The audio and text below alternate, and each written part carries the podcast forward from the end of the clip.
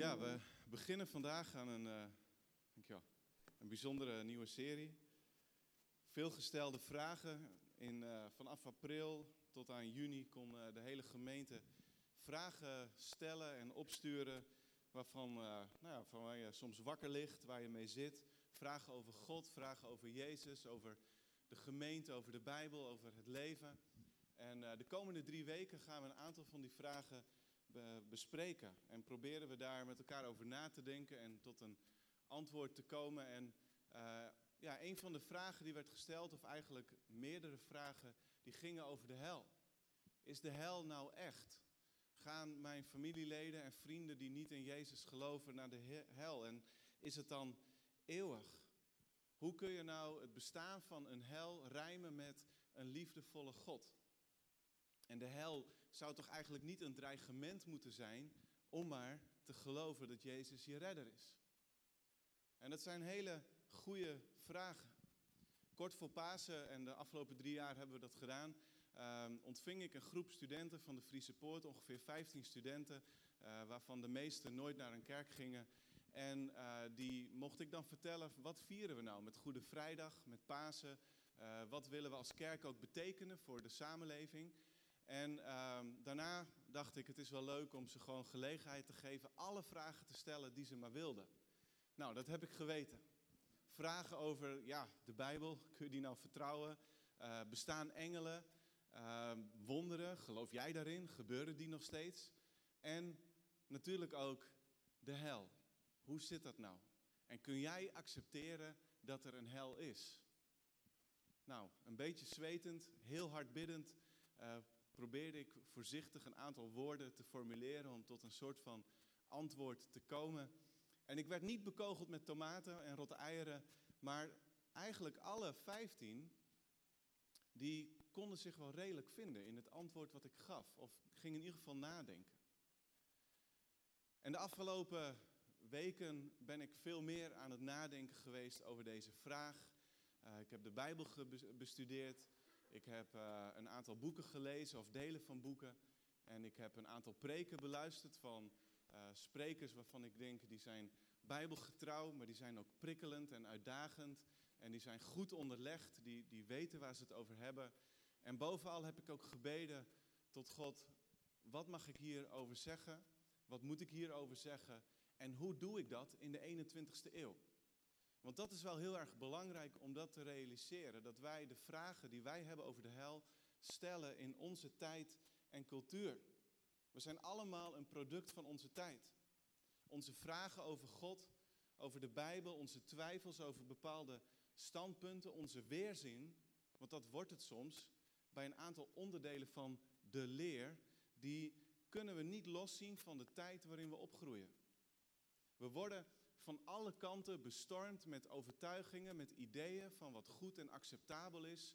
En, uh, en daardoor uh, hebben wij ook een aantal zaken waar we aan de ene kant van zeggen, ja, nou zo is het gewoon, dat is mooi. En bij andere stukken van de Bijbel of de leer gaan ook onze haren in eerste instantie recht overeind staan.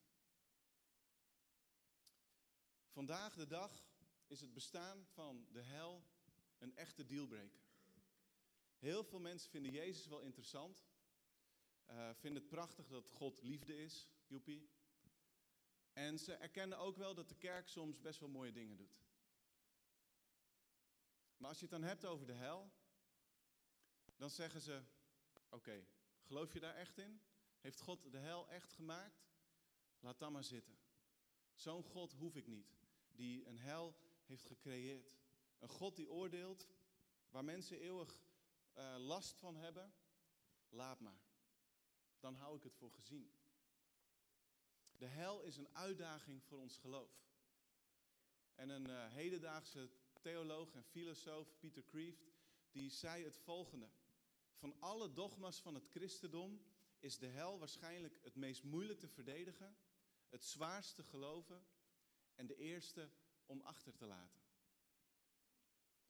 C.S. Lewis die schreef, en u kunt dat meelezen op het scherm of op de handout, er is geen dogma die ik liever uit het christendom zou willen verwijderen dan, dan deze, als het in mijn macht zou liggen. Maar Het wordt volledig ondersteund door de Heilige Schrift en vooral door de eigen woorden van onze Heer Jezus. Het heeft altijd bij het christendom gehoord en het heeft de steun van de reden. En ik wil zo nu eerst kijken naar een aantal bezwaren die wij voelen en die we ook uitspreken en soms ook proberen te beredeneren tegen het bestaan van de hel. En daarna naar een aantal redenen waarom ik denk dat de hel toch echt realiteit is. Maar er zijn een aantal bezwaren tegen de hel en daar staat tussen haken ook bij culturele bezwaren tegen de hel. En die bezwaren kwam ik ook tegen in de vraagstelling, in de vraagstelling van die studenten, in gesprekken met mensen het afgelopen jaar. En het zijn eerlijke, oprechte en reële vragen. Maar het is nogmaals volgens mij belangrijk om te realiseren dat onze moeite met de hel mede cultureel is bepaald. In het toch vaak rijke Westen ontstaan andere ideeën over hoe God zou moeten zijn. En leggen we hier en daar andere accenten in de leer dan christenen op andere plekken in deze wereld. En een Kroatische theoloog die vrienden en familie omgebracht zag worden op vreselijke manieren in de oorlog in Joegoslavië, die zei, eigenlijk heb je, ja, in het Engels schrijft hij dan een, een rich suburb. Dus gewoon een, een goede wijk met grote woningen, met ruimte en alles is goed voor elkaar. En dat zijn de plekken waar de ideeën ontstaan dat de hel niet reëel is. We zijn een product van onze tijd, van onze cultuur, van onze omgeving. En we moeten als het ware daardoor heen worstelen om te zien wat zegt de Bijbel nu echt over het onderwerp. In onze context worden vaak de volgende bezwaren tegen de hel geuit. Lees u mee. Allereerst, het is weerzin, weerzinwekkend, zo'n eeuwige martelkamer.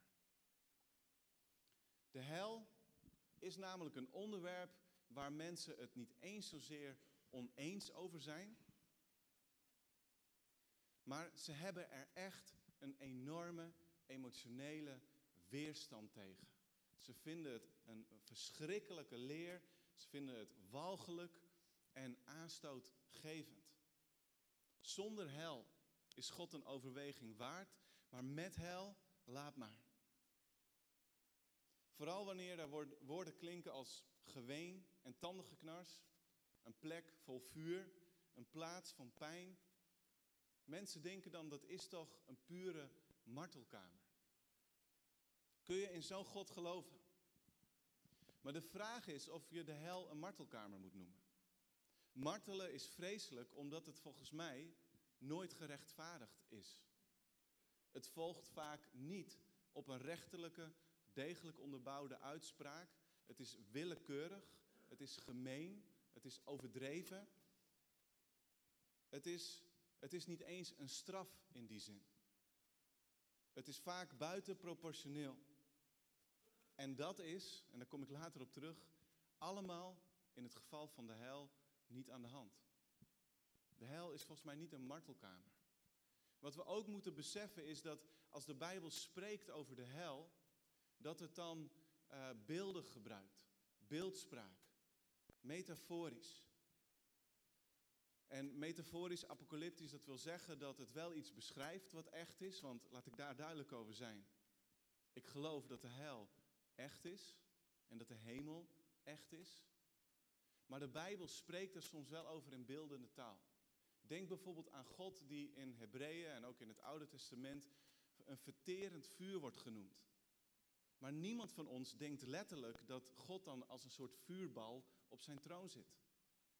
Of als we lezen dat uit de mond van Jezus een tweesnijdend zwaard komt, dan zien we niet Jezus letterlijk door de hemel lopen met een tweesnijdend zwaard door zijn tanden. We begrijpen in zo'n geval dat het metaforisch is, dat het beeldspraak is. En zo is het ook met de hel. Als het gaat over vuur, als het gaat over geween en tandengeknars, dan is het voor een deel metaforisch, maar het beschrijft tegelijkertijd wel een realiteit en het zou ook zo kunnen zijn. Maar het is niet een martelkamer vol willekeur. Het is niet fijn om daar te zijn. Maar het is geen martelkamer. Ten tweede, Hoe kan een liefdevolle God mensen, mijn familie, mijn vrienden, veroordelen? Voor eeuwig. En dat is een hele goede, emotionele en soms ook een kwellende vraag. En dat zou het ook moeten zijn, trouwens. Het bestaan van een hel, als het echt is, maakt onze missie des te dringender. En het is voor mij ook een hele persoonlijke vraag. Ik heb twee ooms verloren die allebei duidelijk, met heel veel woorden, vooral in het verleden, afstand hebben genomen van God, van de kerk. En ze zeiden, daar hoeven we niks meer mee te maken hebben. Mijn paak en beppe, sinds hun kinderen geboren zijn, baden drie keer per dag voor hun kinderen. Drie keer. En behalve mijn vader is er geen van de kinderen die echt nog met God leeft. Ik heb heel veel neven en nichten die niet meer met God te maken willen hebben. Dus het is, ik, ik snap dat het een hele lastige vraag is en een moeilijk onderwerp om over na te denken. Voor Charles Darwin was de hel een van de belangrijkste redenen om het christelijk geloof de rug toe te keren. Hij schrijft in zijn autobiografie: Ik kan inderdaad nauwelijks zien hoe iemand zou moeten wensen dat het christendom waar is. Want als dat zo is, lijkt de eenvoudige taal van de tekst te laten zien dat de mensen die niet geloven, en dit zijn ook mijn vader, broer en bijna al mijn vrienden, voor eeuwig worden gestraft. En dit is een vervloekte leer, zegt hij. Hij vindt het vreselijk. En voor mij is het ook niet gemakkelijk. Maar toch besef ik dit en ik hoop dat we dat allemaal beseffen. Waarheid wordt niet besloten door hoe acceptabel of verdraaglijk het is. Waarheid wordt niet besloten door hoe acceptabel of verdraaglijk het is. Ten derde, mensen zeggen het is niet eerlijk. Een mensenleven zondigen en een eeuwigheid daarvoor in de hel. En ja, hoe leg je dat uit? Iemand leeft 60, 70, 80 jaar, die maakt zijn fouten, die zondigt soms, die wil inderdaad misschien niks meer met God te maken hebben, maar die heeft ook heel veel goeds gedaan. En die heeft wel zeker klaargestaan voor zijn kinderen of voor zijn vrouw of voor, voor de buren. Hoe kan nou iemand die gedurende een aantal jaren niet alles goed heeft gedaan, daar voor eeuwig voor gestraft worden? Maar we moeten bedenken dat dat met straf nooit zo is. Het staat nooit in verhouding tot de lengte van de misdaad. Je kan iemand in 10 seconden vermoorden. Maar niemand die zegt, oké, daar staat dan tegenover een straf van 10 seconden. Nee, het liefst tientallen jaren, een levenslang zouden we iemand achter de tralies willen zien die een moord heeft gepleegd, want het is een ernstige misdaad. Iemand heeft, heeft geschopt tegen de waarde van het leven en iemand omgebracht. En daar staat een stevige straf tegenover. En zo is het ook met de zonde. Mensen, of Mark Clark, een, een schrijver van een boek die allerlei moeilijke vragen beantwoordt, die zegt het zo. Dat eigenlijk de hel de ultieme consequentie is van de mens die autonoom wil zijn. Die zegt, ik kan het wel zonder God. En God die dringt, zich, die, die, die dringt wel aan in liefde, maar die dringt zich nooit op. En we hebben het dan over zonde tegen een God die eeuwig heerlijk is, eeuwig liefde. Het is de schepper van hemel en aarde, de schepper van al het leven. En daar zeggen mensen tegen, ik moet niks van u hebben. En daar staat iets tegenover. Daar staat iets tegenover.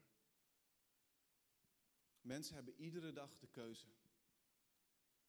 Maar als je iedere dag zegt, God, u hoef ik niet, dan zijn er consequenties. En dat brengt me bij de realiteit van de hel. Allereerst vult in. Jezus spreekt er meer over dan wie of wat dan ook.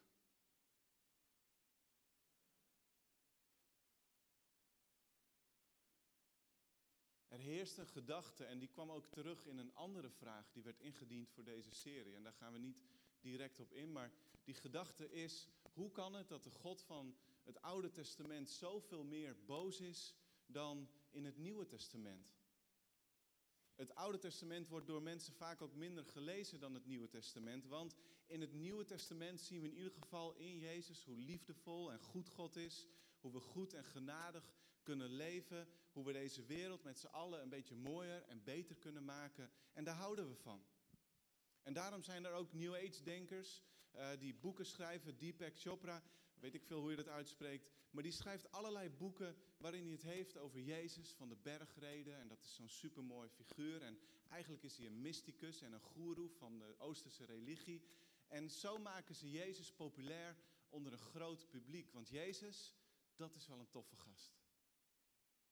Maar het probleem is dat dat op een misverstand berust. Want het meeste wat we weten over de hel en over het oordeel, leren we van Jezus zelf. En komt niet uit het Oude Testament. En komt niet, ook niet uit de andere boeken in het Nieuwe Testament. Jezus die spreekt er duidelijk over, direct over, over het bestaan van de hel, de eigenschappen van de hel. En als je het onderwijs verdeelt van Jezus in verschillende onderwerpen, dan gaat 13% van zijn onderwijs over de hel, het oordeel, over, um, over, uh, dat zijn, ja, over de hel, sorry. De helft van zijn gelijkenissen, de helft van zijn gelijkenissen gaat over oordeel, straf, hel en de toorn van God. Zelfs in die mooie bergreden, met die gouden regel, wat gij niet wilt dat u geschiet, doe dat zelf een ander niet. Met die mooie uitspraak, keer ook de andere wang toe. Met het Onze Vader, een prachtig gebed. Zelfs in de bergreden gaat het over de hel. En Jezus zegt daar in Matthäus 5, vers 29, als je rechteroogje op de verkeerde weg brengt, ruk het dan uit en werp het weg. Je kunt immers beter één van je lichaamsdelen verliezen dan dat heel je lichaam in de Gehenna geworpen wordt. En dat is een van de vele teksten die ik zou kunnen lezen. En Jezus gebruikt dan in zijn onderwijs, in, gelijken, zijn gelijkenissen woorden als buitenste duisternis, gejammer en tandengeknars, dag van het oordeel. Verzamelt eerst het onkruid en bindt het in bossen om het te verbranden. Eeuwig vuur. En in Matthäus 25, daar zegt hij het volgende. Iets heel erg belangrijks over de hel, leest u mee. Daarop zal hij ook de groep aan zijn linkerzijde toespreken. Jullie zijn vervloekt. Verdwijn uit mijn ogen naar het eeuwige vuur dat bestemd is voor de duivel en zijn engelen. En dat is belangrijk. De hel is nooit oorspronkelijk bedoeld voor mensen. Maar God heeft de hel gemaakt voor de Satan, voor de, een hoge engel die in opstand kwam tegen zijn God, tegen de engelen die met hem meevielen. En daar is de hel voor gemaakt, als een rechtvaardige straf voor hen. Dus even concluderend. Als je van de hel af wilt, dan moet je ook van Jezus af. Dan zul je Jezus weg moeten doen. Zoals de liefde van God als nooit tevoren zichtbaar wordt in Jezus, zo maakt Jezus ook meer dan wie of wat dan ook duidelijk dat de hel echt is, beangstigend is, dat het bestaat en dat je niemand zou gunnen om daar naartoe te gaan. Ten tweede, de realiteit van de hel zien we ook in dit. De Bijbel spreekt duidelijk over Hades en Gehenna.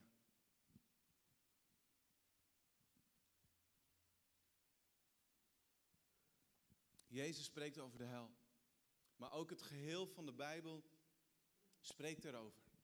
Jezus werpt er heel veel licht op, maar het is een deel van het getuigenis van alle boeken samen. Van Oude Testament naar Nieuwe Testament. Van, van David naar Paulus, van Jeremia naar Johannes, van Daniel tot Petrus. Allemaal schrijven ze en hebben ze het over het oordeel. En er is een dodenrijk, Hades in het Grieks, Sheol in het Hebreeuws. En er is een eeuwige hel, Gehenna. En wat bedoel ik daar precies mee? Het Nieuwe Testament gebruikt dus twee verschillende woorden die niet altijd zichtbaar worden in onze vertalingen. Allereerst wordt het woord Hades gebruikt. En dat verwijst naar hetzelfde als wat we in het Oude Testament lezen als dodenrijk. Het verwijst naar een tijdelijke plek. Een soort van wachtkamer voor iedereen die Jezus niet kent, niet heeft aangenomen, heeft afgewezen. Die komen daar terecht. En Jezus die zegt dit over de Hades. In Lucas 16. Toen hij in het dodenrijk, de Hades, waar hij hevig gekweld werd, zijn ogen opsloeg, zag hij in de verte Abraham met Lazarus aan zijn zijde. Dus we weten dat het niet een leuke plek is, dat er pijn is. We weten ook, en we zullen dat straks lezen, dat er een basisbehoefte als water is er volledig afwezig, maar het is ook tijdelijk. En dat leren we in Openbaring 20 als Johannes het volgende ziet. Leest u mee. De zee stond de doden die ze in zich had af. En ook de dood en het dodenrijk, Hades, stonden hun doden af. En iedereen werd geoordeeld naar zijn daden. Toen werden de dood en de Hades in de vuurpoel gegooid. Dat is de tweede dood, de vuurpoel. Wie niet in het boek van het leven bleek te staan, werd in de vuurpoel gegooid. Dus uiteindelijk zal de Hades, het dodenrijk zelf, in de vuurpoel worden gegooid. En dat is een ander woord, een beeld voor de Gehenna. Een meest vreselijke plek. De uiteindelijke eeuwige hel. En Jezus die zegt daar dit over, Matthäus 10. Wees niet bang voor hen die wel het lichaam, maar niet de ziel kunnen doden. Wees liever bang voor hem die in staat is en ziel en lichaam om te laten komen in de Gehenna. Dus Jezus spreekt erover. De Bijbel spreekt erover. En tot slot vult u in. De reden, ons verstand, spreekt ook over de rechtvaardigheid van een oordeel.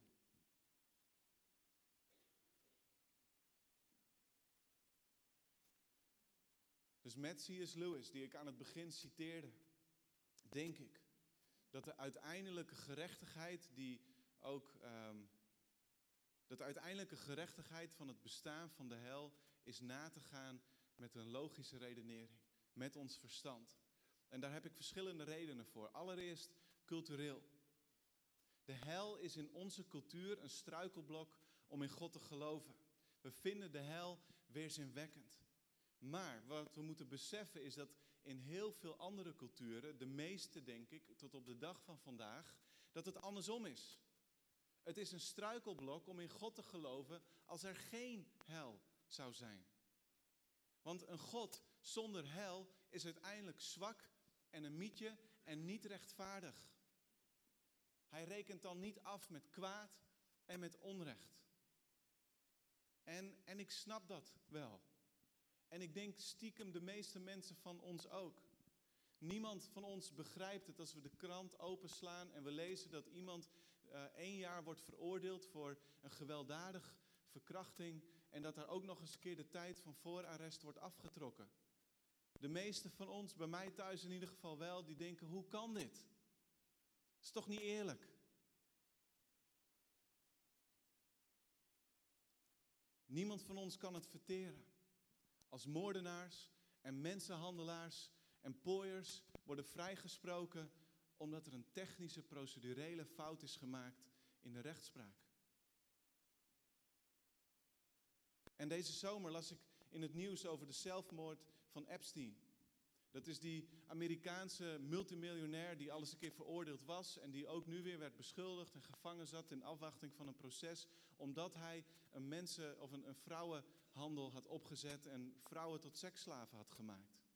Hij pleegde zelfmoord in zijn cel. En wat was de reactie van zijn slachtoffers? Ik las op nos.nl toen, net als veel andere vrouwen die Epstein beschuldigden, was dit slachtoffer opgelucht dat Epstein nooit meer iemand iets zou aankon, aankon doen. Maar ze was ook teleurgesteld dat hij aan een proces weet te ontkomen. We hebben er zo hard aan gewerkt en nu heeft hij dat ons ontnomen, zei ze. En Jennifer, Ook een slachtoffer die zei: Wij zullen de littekens de rest van ons leven meedragen, maar hij zal nooit de consequenties merken. En toen ik dat las, dacht ik: Dat is inderdaad niet te verteren. Helemaal geen consequenties. En Kuitert, een theoloog waar ik het vaak niet mee eens ben, die zei ooit, en het was eigenlijk toen ons land nog wel veel meer in de opbouw zat na de Tweede Wereldoorlog, hij zei, zonder hel heeft de bul een eeuwige voorsprong op zijn slachtoffer. Iemand kan volledig tekeer gaan in zijn leven. En alles wat waar en mooi en kostbaar is, vertrappen. En daar ook nog mee wegkomen. Als er niet een hel is. En ik geloof dat we daar niet mee kunnen leven. En in andere culturen is dat al helemaal ondenkbaar. Want zeg maar tegen een Afrikaanse vader, wiens twaalfjarige dochter is ontvoerd, is verkocht als seksslaaf. Zeg maar dat er geen hel is. Hij zal zeggen, wat? Tijdens dit leven zal die gast waarschijnlijk niet de consequenties aanvaarden en niet de binnenkant van een gevangenis zien. En dan zou God niet deze persoon straffen die dit, mijn dochter en ons gezin aandoet? Zo'n God hoef ik niet. We zien en we voelen, denk ik, de noodzaak van gerechtigheid. En dat is wat de heil uiteindelijk biedt. En let wel, het is niet een kwestie van één, één schoenmaat, past, daar passen alle voeten in. Het is niet zo dat iedereen op dezelfde manier wordt geoordeeld. Want het is net als met de heerlijkheid, is het ook met het oordeel. De Bijbel maakt ontzettend duidelijk dat de boeken opengaan en dat iedereen wordt geoordeeld naar de daden van zijn of haar leven. Dus de mate waarin we heerlijkheid en glorie ontvangen en de mate waarin mensen het oordeel van de hel zullen ervaren, is in evenwicht met hoe we hebben geleefd. Zo rechtvaardig is God. Ik ga richting de afronding.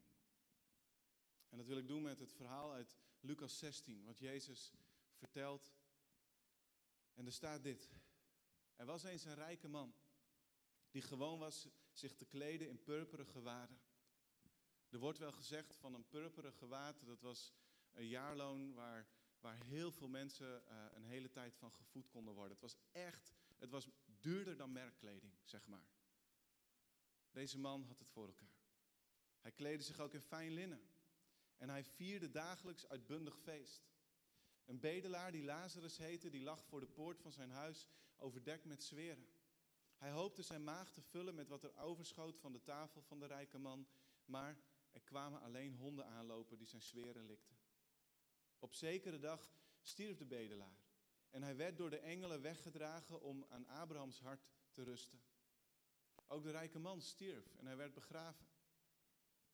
Toen hij in het dodenrijk, waar hij hevig gekweld werd, zijn ogen opsloeg, zag hij in de verte Abraham met Lazarus aan zijn zijde. Hij riep, Vader Abraham, heb medelijden met mij en stuur Lazarus naar me toe. Laat hem het topje van zijn vinger in water dompelen om mijn tong te verkoelen, want ik lijd pijn in deze vlammen. Maar Abraham zei, kind, bedenk wel dat jij je deel van het goede al tijdens je leven hebt ontvangen. Terwijl Lazarus niets dan ongeluk heeft gekend. Nu vindt hij hier troost. Maar je lijdt jij pijn. Bovendien ligt er een wijde kloof tussen ons en jullie. Zodat wie van hier naar jullie wil gaan, dat niet kan en ook niemand van jullie naar ons kan oversteken. Toen zei de rijke man, dan smeek ik u, vader, dat u hem naar het huis van mijn eigen